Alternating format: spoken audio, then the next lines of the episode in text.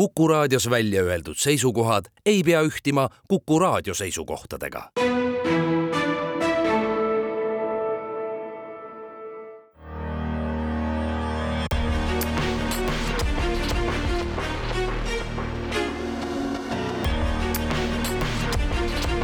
välismääraja. tere sel pühapäeval, mina olen Neeme Raud president Zelenskõi saabus Ukrainasse tagasi uue abita. Euroopa Liidu valmisolek alustada liitumisläbirääkimisi mõjus küll toonust tõstvalt, kuid lähiaja finantsabi väljavaated liitlastelt küll lubadused, aga konkreetsete otsuste puudumine mõjuvad kainestavalt. nii võtab lõppeva nädala kokku The New York Times kuigi Brüsselis koos olnud Euroopa Liidu liikmesriikide juhid, välja arvatud Ungari, kinnitasid Zelenskile, et abi kohta otsus kindlasti tuleb, ehk juba jaanuaris, on reaalsus see, et hetkel seda otsust ei ole.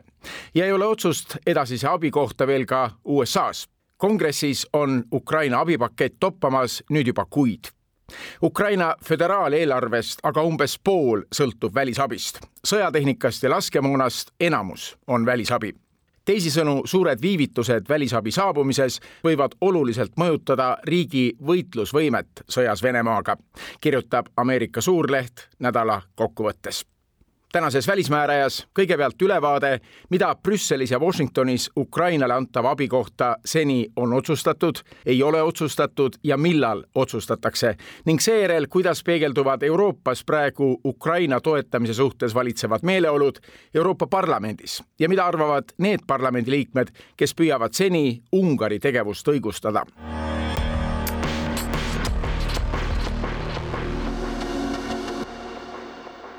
sel neljapäeval oli huvitav jälgida rahvusvahelise meedia pealkirju. esmalt tuli uudis Moskvast. Putin enesekindlust kiirates väidab, et lääne toetus Ukrainale on langemas. leht kajastas nii Putini suurt aastalõpu pressikonverentsi ja siis mõne tunni pärast tõusis selle kõrvale pealkiri Brüsselist. Euroopa Liidu liidrid nõustusid avama Ukrainaga liitumisläbirääkimised pisut hiljem täiendati seda pealkirja, et Ungari siiski blokeeris Ukrainale edasise abi andmise kava, kuid ülejäänud liidu liikmesriigid kavatsevad selle vastu võtta siiski jaanuaris kohe pärast Brüsselis toimunud hääletusi sain ülemkogult telefonile Riigikantselei Euroopa Liidu asjade direktori Glen Jääratsi. ma arvan, et äh, liiga palju ei ole põhjust äh, veel muretseda, et Ukraina raha on olemas eelarve planeerimises, sellepärast et see oli osa pikaajalise eelarve muudatustest, kõik liikmesriigid on selle muudatusega oma eelarve planeerimises juba arvestanud, sealhulgas on seda teinud Eesti, nii et selles mõttes ei ole nüüd nagu küsimus sellest, et kas raha leida, et nüüd on küsimus sellest, et kuidas teda saaks kasutusele võtta. Ja noh, selleks on eraldi lausa ju eelarves välja pakutud Ukraina fondi loomine, et see on praegu nüüd siis see, mis äh, nii-öelda natukeseks ajaks äh, külma pandi, aga no tahaks loota, et jaanuaris on see võimalik otsustada ja kui ei ole võimalik sel viisil otsustada, siis on olemas mingisugused teised lahenduskäigud, nii et ma ei teeks sellest nagu liiga, liiga suurt nüüd nagu numbrit ja see ei olnud ka ainus teema, mis siis tegelikult oli selline oluline probleem, mida see liikmesriik esile tõi täna arutatakse rahvusvahelises meedias just selle üle, et äkki Ungari mängibki sellist taktikalist mängu, et anname Ukrainale küll kauges perspektiivis lootuse, et te saate Euroopasse, aga see reaalne raha lõigatakse ära ja räägitakse ka sellest, et Ungaril on ka tulevikus võimalik veel sekkuda nendesse protsessidesse, et kõik, mis heaks kiideti, ei lähe ka nii libedalt. ühesõnaga, mis puudutab sellist nagu otsustusprotsessi, siis eelarve, ma arvan, et tehakse see suurem eelarve lahti ikkagi ühe korra et selles mõttes seda suurema eelarve omamist äh, ei toimu. aga iga-aastane eelarve näiteks, millega juba järgmine aasta siis sisse tulev Ungari eesistuja peab tegelema hakkama, siis teise poolaasta eesistuja on meil Ungari, on enamushääletusega tehtav, nii et noh, need mehhanismid ja asjad ja otsused on kindlasti nagu erinevad ja töötavad erineval moel. Aga noh, milline ja kuidas see protsess tulevikus saab olema, noh, sõltub kõigist, et ega siis noh, järgmine samm, mis puudutab Ukrainat, peaks olema ju siis kevadel, sellepärast et äh, see põhimõtteline liitumisläbirääkimiste avamise otsus tehti nüüd ära detsembris ja see on, eks ole, sarnane sellele otsusele, mis tehti meie suhtes näiteks üheksakümmend seitse detsembris Luksemburgi tippkohtumisel. aga see, me ju teame kõik, et paari kuu pärast tegelikult tuleb leppida kokku alles läbirääkimiste raamistik. Ehk siis nagu need parameetrid, läbirääkimiste põhi, põhiparameetrid.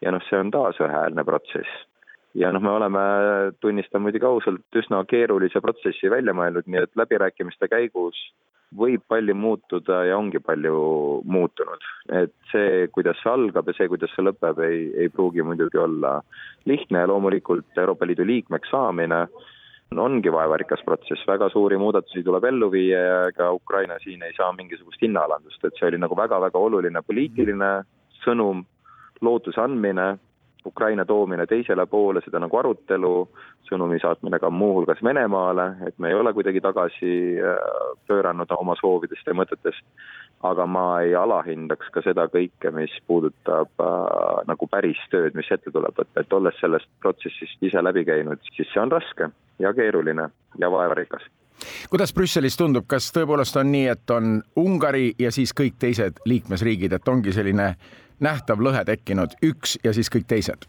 no eks selliseid keerulisi olukordi Euroopa Liidu loos on palju olnud, äh, kus üks või teine liikmesriik on sattunud sellisesse keerulisse seisu, sealhulgas praegused asutajaliikmed, et tasub ainult natukene sirvida ajalugu. ma arvan, et täna on olemas ikkagi endiselt väga palju head tahet, et äh, kokkuleppele jõuda, niikaua kui äh, Ungari on valmis ütlema, et mis on need siis nagu põhimõttelised kohad, mis mis kus see raskus on, et nii kaua siis on, äh, tuleb seda, seda kokkulepet otsida, aga no laias laastus äh, täna ikkagi töötatakse nagu nii-öelda ütleme siis hea, head tahet täis või noh, selles mõttes, et nagu tahetakse ikkagi nagu leida lahendust. ja mulle tundub, et noh, selleni nagu, et mis siis päris probleemid on, millega tuleb tegeleda, et ma arvan, et pilt on nüüd palju selgem äh, peale neid kahte päeva ja kui sai küsitud ka nagu ukrainlaste prioriteete, siis see otsus, mis tehtud sai, oli see, mida Ukraina president ka kõige rohkem soovis. ja see oli ka kõige raskem nendest otsustest, mida vaja teha oli. ja, ja raha osas tuleb tuleb see kokkulepe siis vormistada jaanuaris, nii et ma arvan, et lahkutakse positiivses meeleolus, minnakse ikkagi ära nagu positiivses meeleolus ja täis usku, et, et uuel aastal on, on võimalik need otsused ära teha. Glen Järats, Riigikantselei Euroopa Liidu asjade direktor, rääkis. palusin Ukrainale antava abi edasisi perspektiive kommenteerida ka Euroopa Komisjoni Eesti esinduse juhil Vivian Loonelal. meil see veendumus ja pühendumus Ukrainale on Euroopa Liidu, ütleme siis kahekümne kuuel riigil väga kindel, väga selge. kõik liidrid kordasid sellega üle äh, sellel ülemkogul.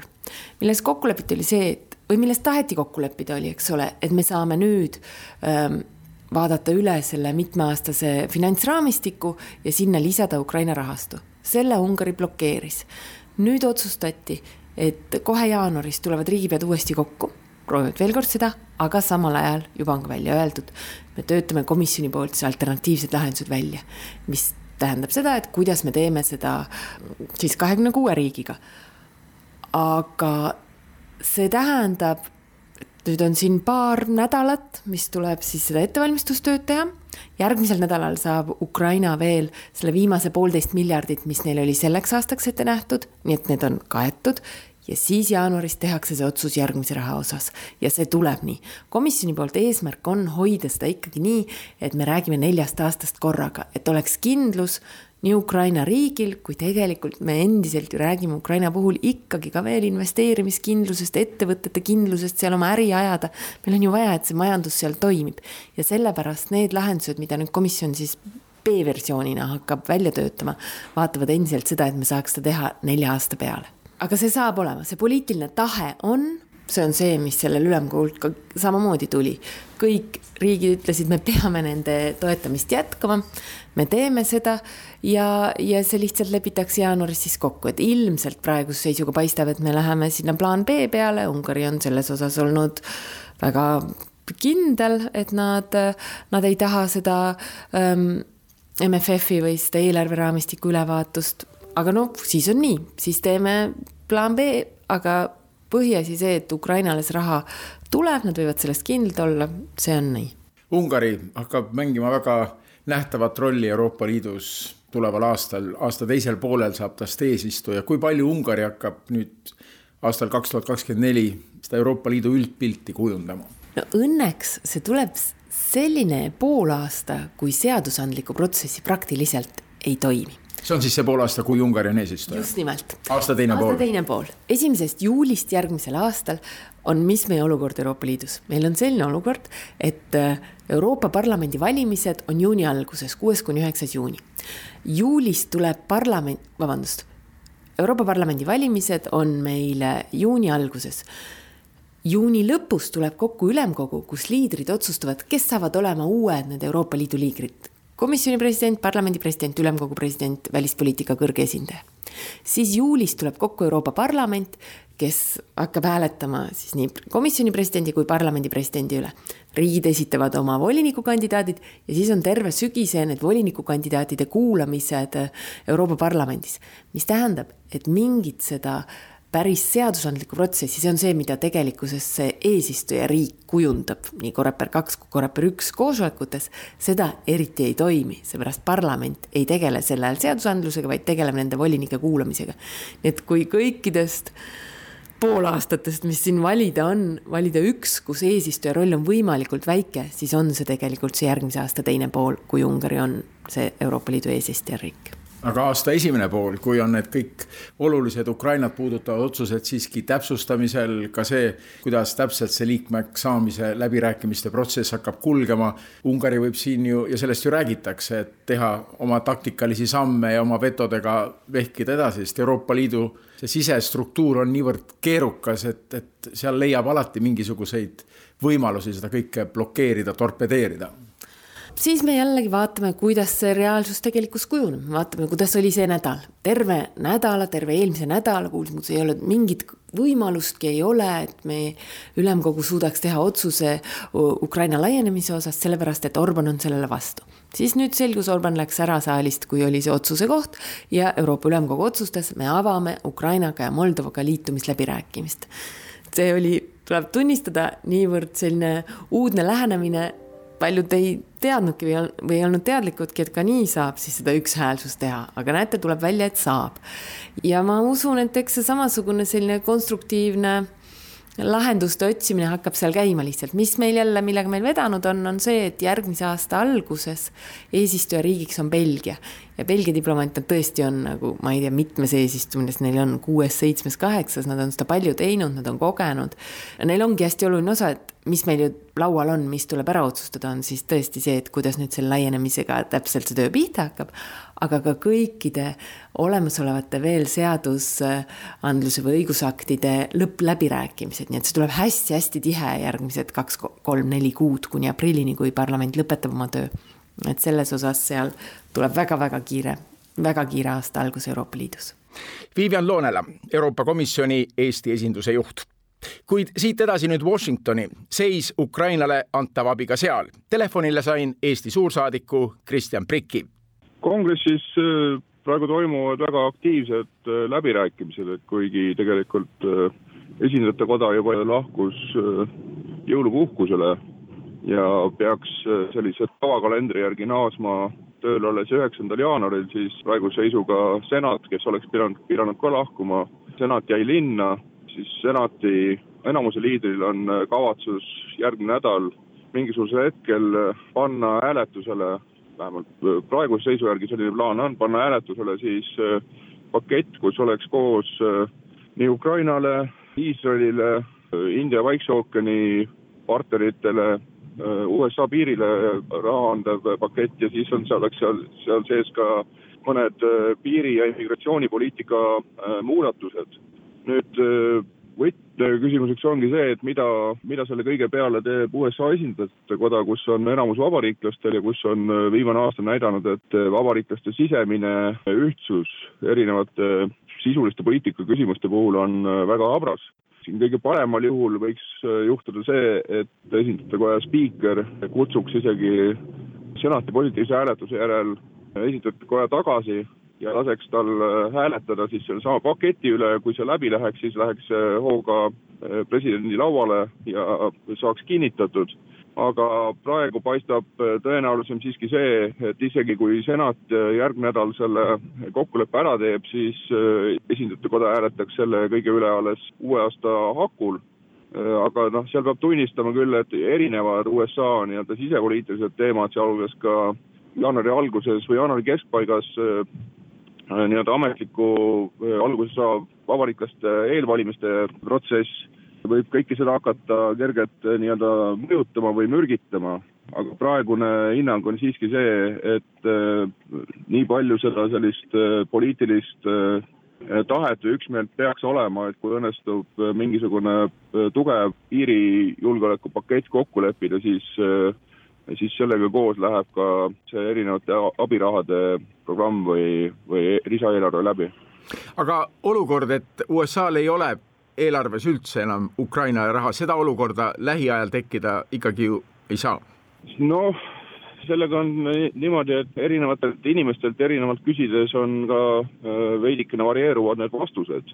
on äh, kindel peaaegu vist see, et äh, ma arvan, tõenäoliselt järgmise nädala lõpus peaks tulema üks järjekordne abipakett, nagu siin on viimasel paaril kuul tulnud iga paari nädala tagant circa, circa saja, kahesaja miljoniline abipakett, mis noh, need summad on ikkagi, ikkagi väga-väga suured, eks. ja võimalik, et midagi ajastatakse veel ka uue aasta algusesse, aga aga sealt edasi läheb väga palju keerulisemaks juba, et, et ütleme, USA eh, sõjalise abi erinevad eelarveread täiesti tühjaks pole selle hetkega veel saadud, aga kas või juba ka sellise poliitilise loogika mõttes on administratsioon üsna selge märgi saatnud või, või signaali saatnud et äh, aastavahetusest edasi äh, nii-öelda tavakorras, äh, nagu see viimastel kuudel või viimasel ligi varsti kahel aastal Ukraina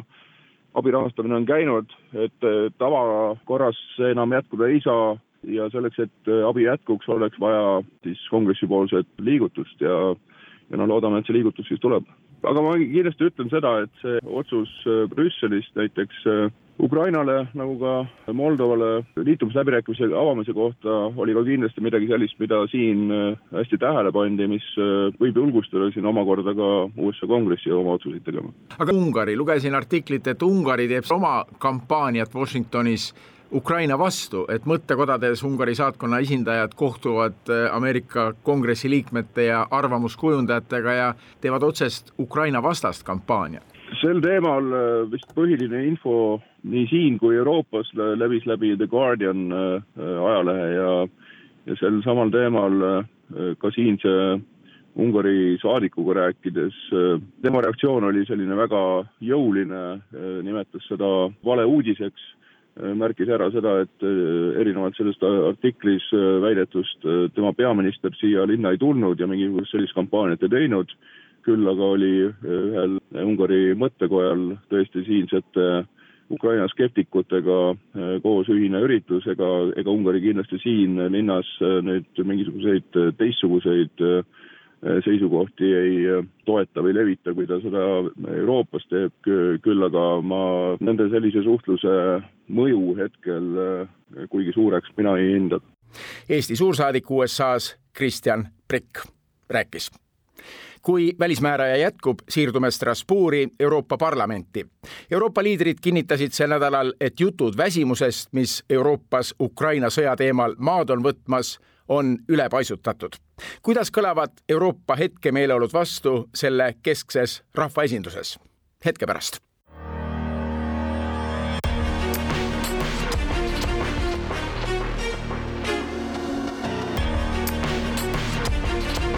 välismääraja.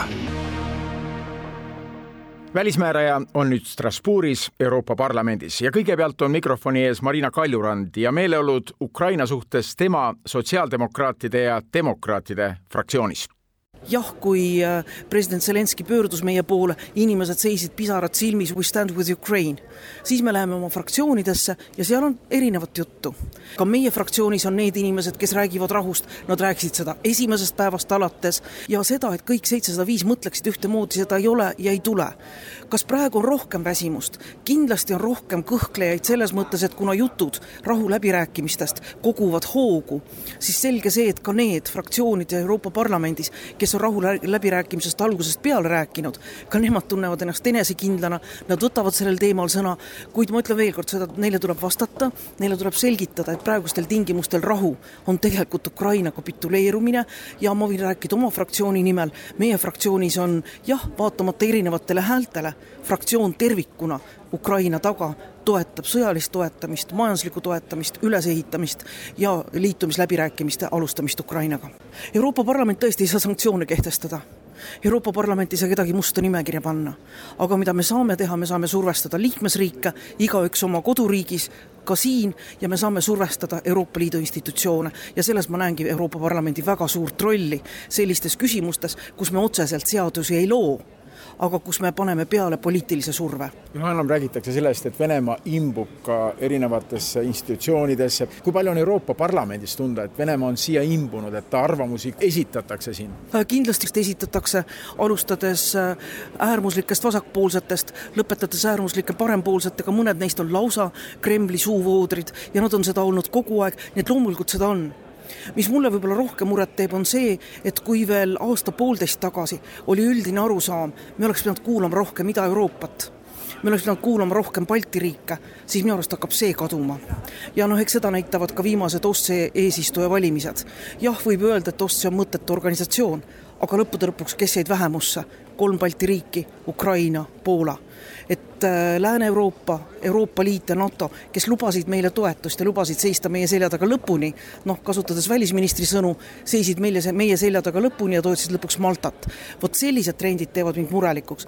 mind teeb murelikuks see, et kui ma näen, kes avaldavad täna toetust äh, Zelenskile ja Ukrainale, siis need on äh, jällegi Euroopa Liit, NATO, Aafrika riigid on vait Ladina-Ameerika on vait, suur osa Aasia riike on vait, nad lihtsalt ei ütle välja oma seisukohta, mis on Vene vastu. Nad on valmis rääkima territoriaalsest terviklikkusest, nad on valmis rääkida riik, valmis rääkima riikide suveräänsusest, aga niipea, kui tuleb küsimus, kuidas karistada agressorit, on nad vait. ja vot see teeb mulle palju rohkem muret Venemaa on muutunud nähtavalt ülbemaks. sina olid Moskvas suursaadik siis, kui Venemaa oli väga ülbe, mäletame kõik, mis sinuga seal toimus. millise pilguga sa vaatad seda, mis Moskvas praegu toimub, et majandusel ei lähegi nii halvasti, inimesed on harjunud selle sõja ideega, et sõda käibki suure läänega, Putini positsioonid on üha tugevnemas see Venemaa ülbe käitumine, just täpselt see samasugune, nagu sa nägid, kui sina olid Moskvas, see on kuidagi tagasi tulnud, vahepeal natuke tõmmati tagasi. jah, see on väga kahetsusväärne, aga noh, me anname ise ka selleks põhjust. just lugesin ka pikemat artiklit Poliitikus, mis rääkis Euroopa Liidu sanktsioonidest. me kehtestame neid ja samal ajal me otsime võimalusi, kuidas neid mitte täita, me kõik teame, et kaubavahetus Kasahstaniga ei saa minna nii kosmiliselt üles, et ju seal on ikka mingisugused teised põhjused ka, aga me ikkagi tarnime kaupu Kasahstani, Kasahstani, ikka on Euroopa Liidu firmad, kes täna kauplevad Moskvas. Putin ju näeb seda. milles ma olen veendunud, Putin usub sellesse, mida ta näeb. teda ei huvita meie poliitilised avaldused, meie jutud sanktsioonidest, vaid ta tahab näha tegelikkust. aga tegelikkus on see, et talle tarnitakse ikka neid samu äh, tooteid, mis on sanktsioneeritud, ikka neid samu pooltooteid, mida tal on vaja relvastuse ehitamiseks, nii et tegelikult me oleme ise ka ma ei taha öelda läbi kukkunud, aga me peaksime olema palju konkreetsemad, palju jõulisemad sanktsioonide rakendamises. sest see on see, mida Putin näeb ja usub eks ta vaatab kõrvalt ja irvitab, mis toimub praegu Ameerika Ühendriikides, vaatab kõrvalt ja irvitab, kuidas püütakse pakkuda äh, meelerahu ja, ja meelehead äh, peaminister Orbanile, et ta ei oleks Ukraina liitumis, Ukrainaga liitumisläbirääkimiste alustamise vastu. muidugi ta näeb seda ja muidugi see annab talle enesekindlust. teda võetakse vastu Dohas, välisminister Lavrov sai erandloa lennata ja oli kohal OSCE välisministrite kohtumisel.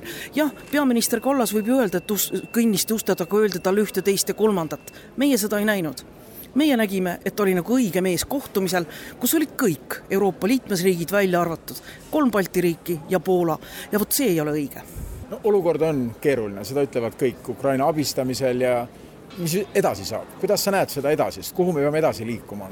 Kõigi nende murede taustal, kuidas me peame edasi liikuma? ma arvan, et no meil ei ole teist võimalust, meil ei ole teist võimalust, kui Ukraina peab võitma või Ukraina peab sõlmima rahu nendel tingimustel, mis on Ukraina tingimused, mitte need tingimused, mida talle dikteeritakse.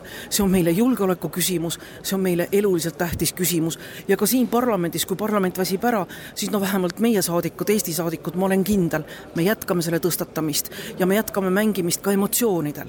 no vaadaku näkku nendele Ukraina naistele ja Ukraina lastele, keda on tapetud, kelle sugulasi on tapetud või keda on vägistatud, piinatud ja las nad ütlevad pärast seda, et me ei toeta neid neid.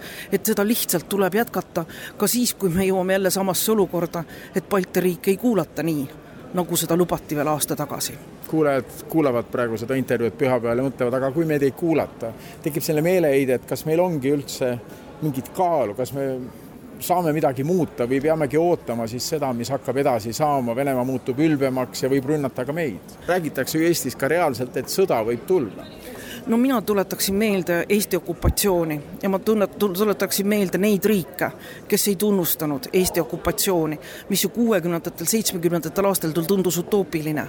aga see on see poliitiline joon, mida tuleb jätkata, meie siin peame seda jätkama peame aitama ise nii palju, kui me saame. jah, me oleme maailma esirinnas ja ma saan aru, et meie riik ei suuda Ukrainat ei lõputult toetada ega üles ehitada, aga ma arvan, me peame ka oma eeskujuga näitama, kui väikesed teevad, no las need suured riigid vaatavad meile otsa ja ütlevad, et nemad ei taha või nemad ei suuda.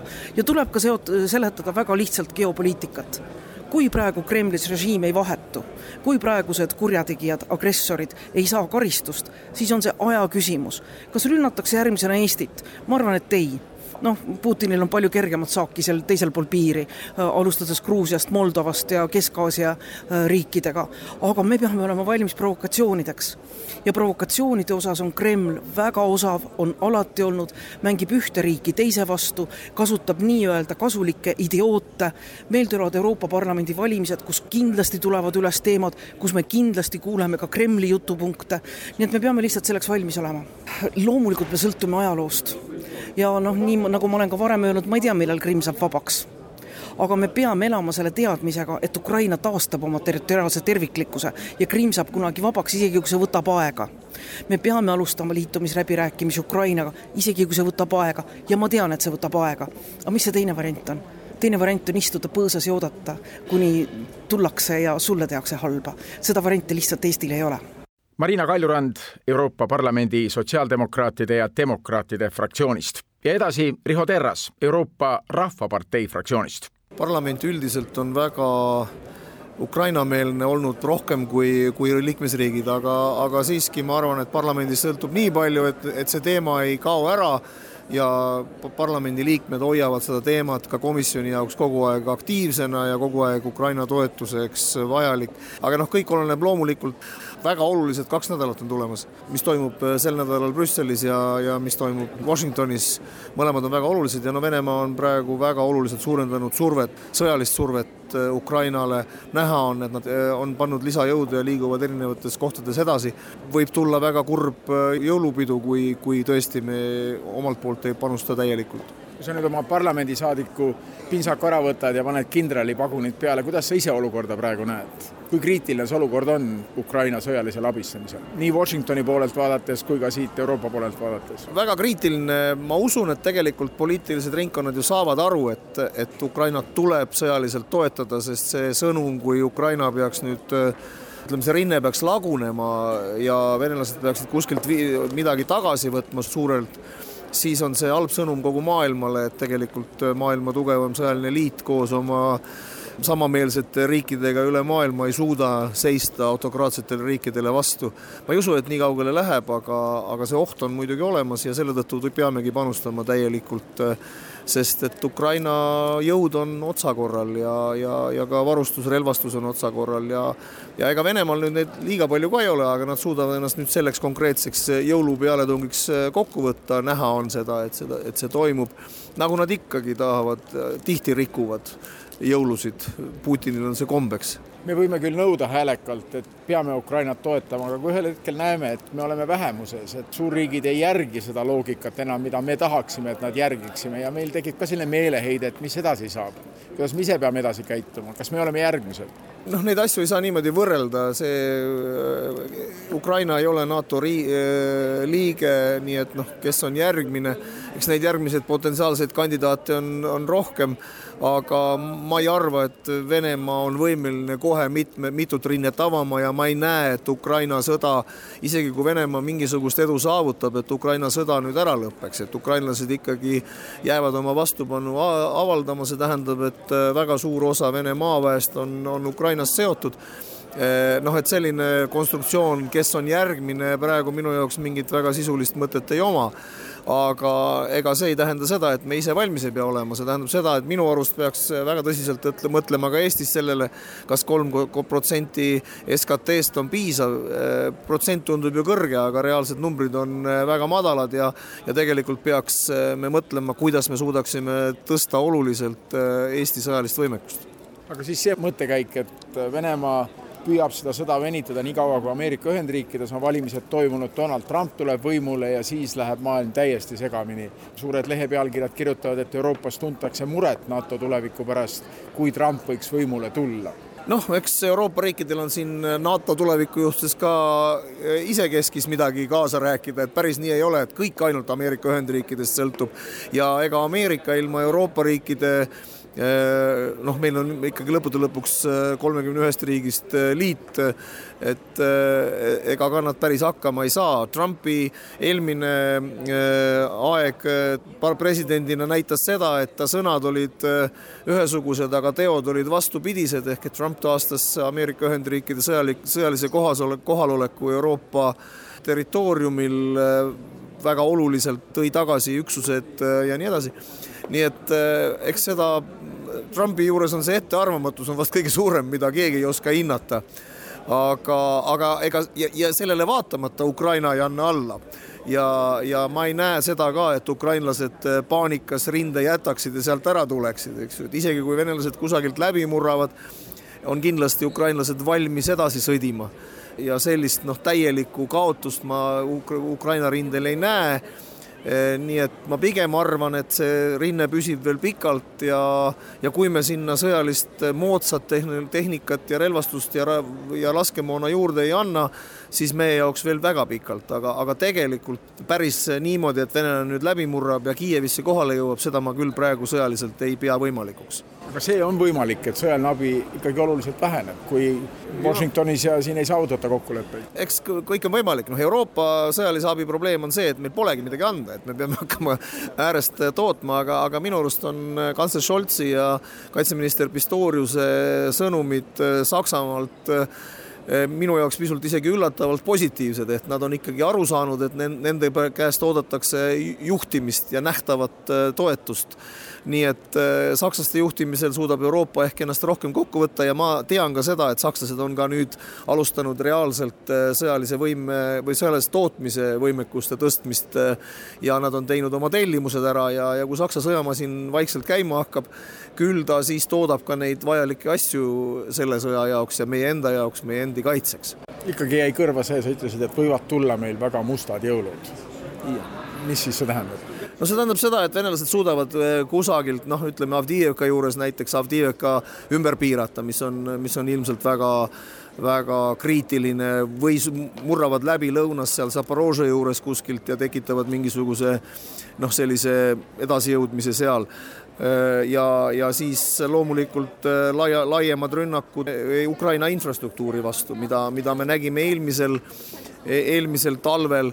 venelased on selleks, ma arvan, jõudu kogunud, nad on viimastel nädalatel vähem rünnanud, ehk nad täna, tänahommikused rünnakud kinžallidega näitavad, et nad on, nad on tagavaraks varunud rakette, millega nad saavad siis Ukraina olulist, elulist tähtsat infrastruktuuri rünnata aga, ja, ja noh, see on see negatiivne, mida ma siit äh, näen, aga, aga seda, et nüüd Kiiev kukuks, seda ma küll ei tunneta. Riho Terras Euroopa Rahvapartei fraktsioonist rääkis kui välismääraja jätkub, kuulete Jaak Madissoni ja tema fraktsiooni Identiteedi ja demokraatia fraktsiooni nägemust Ungari käitumisest, Ukraina abistamisest ja võimalusest, et USA-s tuleb uuesti võimule Donald Trump, kes rahvusvahelist poliitikat oluliselt ümber kujundada võib soovida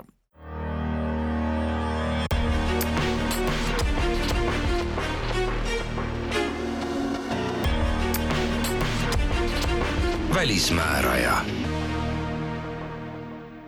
välismääraja on Strasbourgis Euroopa Parlamendis. EKRE saadik Jaak Madisson on minu järgmine vestluskaaslane ja tema fraktsioon Identiteedi ja demokraatia fraktsioon meie fraktsioon ei ole ühtne, nagu pole ka teised fraktsioonid tervikuna, et meie fraktsioonis on väga selgelt erinevaid nägemusi ja see eelkõige seostub just nimelt riigiga, kust saadik pärit on. et nii nagu on teistes fraktsioonides, kes ka meie fraktsiooni sakslased on väga skeptilised, äh, kes näevad seda olukorda hoopis teises valguses, kui näevad näiteks Eesti saadikud, samamoodi on prantslastega, Prantsuse saadikud on pehmemad, nii nagu nad on ka, ma ei tea, EPP-s või äh, uuenevas Euroopas, seega ühtse seisukohta ei ole ka meie fraktsioonis. mis siis tähendab skeptikud abi andmise suhtes Ukrainale, jätkuva abi andmise suhtes? jah, täpselt, see on nagu üle, üle parlamendi laialt on selgelt näha seda tonaalsust, hoolimata poliitgrupist või äh, kas tegemist on parempoolse, vasakpoolse plokiga või liberaalsega. Et äh, nähakse skepsist, tahetakse rahu te, teistsugune nägemus julgeolekust ja välispoliitikast, kui on seda Ida- ja Põhja-Euroopas. ehk et nähakse loomulikult hoopis erinevalt, kui näeme seda meie, kes me elame otse Venemaa naabruses nii et see olukord on kätte jõudnud. me rääkisime ikkagi, et parlament on ikka ühtselt, suhteliselt ühtselt Ukraina selja taga, abi andmise selja taga, aga väsimus võib tulla, nüüd on see siis käes samas ka fakt on see, et ega parlament ei otsusta mitte midagi, et parlament võib hääletada, kuidas nad tahavad ja teha ilusaid ilukõnesid. aga ta on lihtsalt baromeeter mingis mõttes. jah, aga, aga paratamatult, et lõppkokkuvõttes kogu relvastus, kui me räägime ikkagi sõjas, siis ainukene vahend sõjas vastupidamiseks on relvastus. ja relvastust piisavalt ei tule ja Euroopa Parlamendil pole mitte ühtegi tanki ega mürsku anda. et lõppkokkuvõttes Euroopa Liidu plaan anda miljon mürsku Ukrainale kukkus läbi, sest liikmesriigid ei suutnud seda ellu viia, sealhulgas Saksamaa eh, suurima riigina, nii et eh, lõppkokkuvõttes eh, kõik seisneb liikmesriik riikides, mitte Euroopa Parlamendis, ehk Euroopa Parlament on selline tore kogu, kus teha ilukõnesid ja hääletada justkui sobivalt valijatele, aga fakt on see, et Euroopa Parlamendi otsusest ei sõltu nüüd äh, relvastuse andmisel küll mitte midagi kui vaadata nüüd siis neid skeptikuid, kes tahavad rahu teha, mida nad siis väidavad, kui ikkagi vaatame parlamenti kui üle-euroopalist baromeetrit? No seal on erinevaid nägemusi, on olemas Euroopa Parlamendis selgelt venemeelseid, kes äh, ilmselgelt sümpatiseerivad rohkem Venemaa poolele kui Ukraina poolele, on olemas inimesi, kes äh, näevadki võib-olla naiivsemalt nagu Neville Chamberlain tuhat üheksasada kolmkümmend kaheksa tehes rahu Hitleriga, on olemas äh, pragmaatikuid, nagu täna võib-olla Valgemaja, kes on keeldunud andmas piisavalt raskerelvastust, millega oleks võimalik rünnata ka Venemaa territooriumi, vaid antakse näpuotsaga piisavalt, et päris nagu peksa ei saaks Kiievis, aga samal ajal sõda ka ei võidaks. et on erinevad ajendid, lõppkokkuvõttes neid eristada, et äh, mis gruppi nüüd keegi kuulub, äh, on keeruline, aga kõige lihtsam võib-olla tuvastada nagu väga venemeelsed. aga on ka naiivseid inimesi, kes loomulikult näevad, et sõda ei ole ilus ega kena ja sõja võitmine on kohutavalt raske ja tegelikult on elatud võib-olla ligi kaks aastat mingisugusesse võib-olla soovunelmas sellest, et äh, kuidas iga kuu sõda Venemaale tähendab, et aasta aega on meil rohkem rahu tulevikus, nagu oli meil sõja alguses ka Eestis pealkirjad. et võib-olla sellest nagu utoopiast tullakse välja ja saadakse aru, et äh, kui ikkagi aastakümnete jooksul Euroopa on demilitariseeritud ja piisavalt ei ole investeeritud kaitsevõimesse, siis on väga raske saada vastu loomulikult äh, Venemaale, kes üritab praegu Ukrainat ära, ära neelata vaatame väga närviliselt, mida teevad ungarlased. Teie partei on Ungariga suhelnud suhteliselt tihedalt. noh, Ungari partei oli eelnevalt ka Euroopa Rahvaparteis, kuhu kuulub Isamaa, eks nemad teavad paremini oma, oma sõpradest aga Ungari on äh, omaette nähtus, et Ungari, Ungari ühest küljest on iseseisev riik, kes teeb, mis tahab, aga loomulikult Ukraina kontekstis on tegemist äh, probleemiga, kus, kus äh, on olnud sõja algusest saadik väga raske anda sõjalist abi läbi, läbi Ungari, kust on olnud kõige parem üle, ületuskoht Lõuna-Ukrainas üle piiri aga samal ajal loomulikult enne, kui me hakkame väga kritiseerima teisi riike, peaksime vaatama, et kas kodus on kõik korras. et kas me ise oleme teinud maksimaalselt kõik selleks võimalikku, et võimaliku sõjaohu olukorral me oleksime valmistunud. aga tänane Eesti valitsus Kaja Kallase juhtimisel ei leidnud mitte ühtegi senti vajaminevast kahesajast miljonist eurost nelja aasta jooksul, et investeerida tsiviilkaitsesse, varjenditesse, pommivarjenditesse, koolitustesse. nii et eh, ma natuke vaatan seda kahetiste tunnetega äh, Ungari küsimust, et ühest küljest jah, äh, ka mulle mõni asi ei meeldi, aga samal ajal meeldib mulle veel vähem seda, see, kuidas me ei adu reaalsust äh, ei Lääne-Euroopas, aga veel vähem tegelikult ka Ida-Euroopas ja Eestis, kus me oleme otse nii-öelda sõja ukse taga ja me ei võta tõsiselt seda ohtu ja me ei valmistu selleks. sinu isiklik seisukoht, kui nüüd hääletusele tuleks Ukraina abi siin näiteks, kuidas siit edasi minna? Sõltuks minu hääletusest midagi, mul oleks väga hea meel ja loomulikult, kui on hääletusel küsimusel, kas anda rohkem relvastust Ukrainale, ma olen alati poolt olnud. ma olen äh, selle poolt olnud oma kõnedes, oma sõnavõttudes, oma hääletustes. Äh, aga kahjuks ma tean ka reaalsust, et sellest äh, minu toredast kõnest või hääletusest tegelikult ei liigu veel sellepärast homne päev mitte ükski tank Ungari äh,, ei Ungari ega Ukraina poole. ja Euroopa Parlamendist ka tervikuna ei sõltu see? kahjuks mitte kuidas me siit edasi läheme nüüd? ma arvan, et praegu me liigume selles tempos, mis sai välja öeldud äh, vahetult peale sõja puhkemist ja see, kui ma õigesti mäletan, oli märts kaks tuhat kakskümmend kaks siinsamas Euroopa Parlamendis, et me liigume paraja tempoga suurema sõja poole.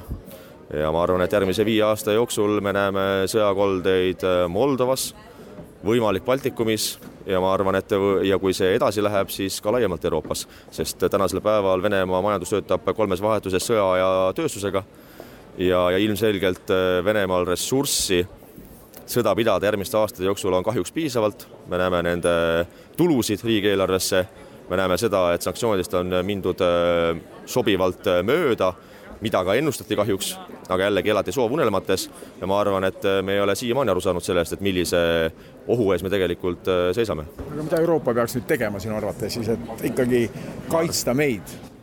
esiteks selleks, et keegi teine kaitseks meid peame me ise tegema maksimaalselt võimalikku. selles küsimuses noh, mul on väga raske alla kirjutada väitele, et me oleme teinud maksimaalselt kõikvõimalikku.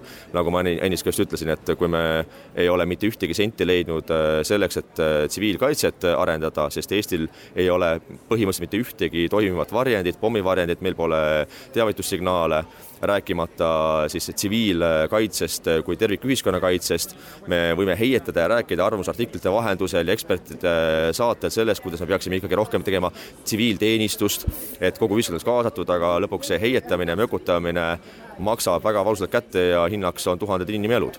nii et äh, ennem kui me loodame Euroopa peale, me peaksime hakkama ise aru saama sellest, mida me peame, peame kohe tegema.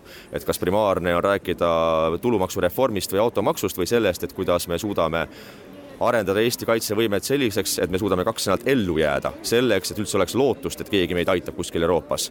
tänasel päeval selleks lootust ei ole. aga mida Euroopa peaks tegema, siis Euroopa peaks tegema seda, et järgmise aasta riigieelarves peaks minema vähemalt kaks protsenti SKP-st kaitse-eelarvesse. Saksamaa puhul tähendaks seda, et umbes kolme kuni viie aastaga suudetaks välja arendada kaitsevõimet vähemalt vastata esimestele löökidele täna seda kahjuks näha ei ole, seega ma võin rääkida sellest, mida peaks tegema ja ma võiksin panna korraliku prospekti valmis äh, juhistega, aga kahjuks igas riigis on omad äh, ühiskonnameelsused, erinevad valijad, erinevad poliitilised mured, nii et lõppkokkuvõttes ega kõige kehvemal päeval tuleb meil loota ainult iseendale. Vaadata nüüd, mis Euroopas toimub, no Ungari positsioone teame, Slovakkia, Holland nüüd tuli võimule ka teiega sarnaselt maailma nägev partei, kui nüüd tuleb Donald Trump ka võimule, kas siis ongi toimumas see, millest on räägitud, et just nimelt see maailmavaade, mida esindab ka EKRE, ongi tulemas võimule Euroopas, läänemaailmas? see maailmavaade, mida EKRE esindab, see tuli äh, võimule Ameerika Ühendriikides kaks tuhat kuusteist ja kolmekümne aasta jooksul olid need äh, neli aastat perioodi, kui võimul oli siis EKRE maailmavaatega Donald Trump, oli esimene periood, kui Venemaa ei alustanud mitte ühtegi uut sõjalist konflikti seega siin tasub küsida, et miks Venemaa alustab konflikti siis, kui presidendiks on Joe Biden, kes oli asepresident ajal, kui annekteeriti Krimm, alustati sõda Ida-Ukrainas ja Ameerika Ühendriigid ei teinud piisavalt mitte midagi selleks, et venelasi peatada. Ja ei tee ka täna piisavalt tegelikult. seega meil on iseenesest küll väga kerge nii-öelda hukka mõista ameeriklastega täna, aga see on muster, nii et mina ei tunneks hirmu Trumpi ees, Trump on piisavalt äh, ettearvamatu nii mitmeski mõttes ja ettearvamatu ka venelaste jaoks. ja fakt on see, et kaks tuhat kuusteist kuni kaks tuhat kakskümmend venelased ei alustanud mitte ühtegi uut sõjalist konflikti, nagu nad tegid alati kõikide teiste presidentide ajal kolmekümne aasta jooksul. Trumpi ajal kõik Euroopa riigid äkitselt hakkasid rohkem investeerima kaitsevõimesse, sest lõpuks ameeriklased ütlesid, et miks peame meie maksumaksjatega kinni maksma Euroopa julgeoleku, samal ajal kui teie maksate mõnusalt enda pensione, sotsiaalsüsteemi peate üleval, poputate immigratsiooni, aga meie peame oma maksudega maksma teie julgeoleku eest, mis oli täiesti õige tähelepanek. ja see loomulikult võttis siis eurooplastel jalad kõhu alt välja ja hakati tegutsema. nii et ma arvan, et kui tõesti tuleb Trump võimule, siis on meil ehk lootust, et venelastel tekib sama, samasugune ettearvamatuse hirm, et mida võivad ameeriklased teha, kui nad julgevad näiteks Baltikumi puutuda. ja samas ikkagi see mure, mis Euroopas üha süveneb, et Trump läheb ka NATO kallale, võib-olla ta ei too Ameerikat kohe NATO-st välja, aga vähendab Ameerika panust NATO-sse ja siis on Venemaal võimalik rünnata ka NATO liikmeid ega Venemaal on teoreetiliselt võimalik täna NATO liikmeid rünnata, sest et me näeme seda, et Ameerika Ühendriigid tänase juhtimise all on piisavalt hirmunud, et ei juletud anda ka eelmise aasta kevadel MiG kakskümmend üheksa hävitajaid Poolast, et anda poolakatele vastu F kuusteist hävitajaid. nii et ma ei oleks nagu niivõrd noh, selles mõttes kuidagi naiivne arvamaks, et kui äh, võidab demokraat Joe Biden, siis NATO jätkub samamoodi, venelased on hirmunud NATO ees, äh, samal ajal Euroopas elab, elab samamoodi samasuguses unelmas edasi. Äh, ma ütleks, et need, kes täna seda hirmu tunnevad, on ise süüdi selles, et sõda üldse Ukrainas puhkes, sest et see alamilitariseeritus on tekkinud ainult tänase juhtimise all. et lõppkokkuvõttes me ei peaks nagu vaatama ainult Ameerika Ühendriikide poole, vaid vaatama selle peale, et kas Euroopa riigid on ise piisavalt pühendunud ja panustanud kaitsesse või me olemegi lootnud nii-öelda väga, kuidas ilusti öelda, võib-olla liiga optimistlikult Ameerika Ühendriikidele, kes peavad igal juhul kaitsma iga eurooplase, iga eestlase inimelu, justkui me oleksime kõige kallimad ameeriklastele. ja samal ajal ise me justkui laseme nii-öelda luuslangi ja teeme kõiki muid toredaid asju selle asemel, et kaitsesse panustada. Jaak Madisson ja Euroopa Parlamendi paremtiiva fraktsioon, identiteedi ja demokraatia fraktsioon siia lõppu aga veel üks uudis Washington Postist. nimelt USA kongress kiitis heaks eelnõu, millega võetakse presidentidelt õigus langetada unilateraalselt ilma kongressi poolse heakskiiduta otsuseid riigi NATO-st väljaviimise kohta. kongressi otsus tuli pärast pikaajalist muret, et Donald Trump, kui ta uuesti presidendiks peaks saama, võib püüda USA-d NATO-st välja tuua. uus seadus, mis seda takistab, on osa laiaulatuslikust rahvusliku kaitse seadusest, millega rahastatakse ja sätestatakse igal aastal riigi riigi kaitsepoliitikat. esindajate koda võttis seaduse vastu neljapäeval ja nüüd ootab see president Bideni allkirja. uued reeglid näevad nüüd ette, et kui president peaks otsustama riigi NATO-st välja tuua, oleks tal selleks vaja ka kahe kolmandiku senati toetust või kongressi poolt spetsiaalselt sel teemal vastu võetud otsust esindajate koja spiiker Mike Johnson, tugev Trumpi toetaja kongressis, ei soostunud Washington Postile kõnealust otsust kommenteerima, kuid leht märgib, et mõlema suurpartei toetusel vastu võetud piirang presidendi võimule näitab, milliseid samme on kongress valmis astuma, kaitsmaks USA liikmelisust NATO-s. välismääraja sellega tänaseks lõpetab, mina olen Neeme Raud, ilusat pühade ootuse aega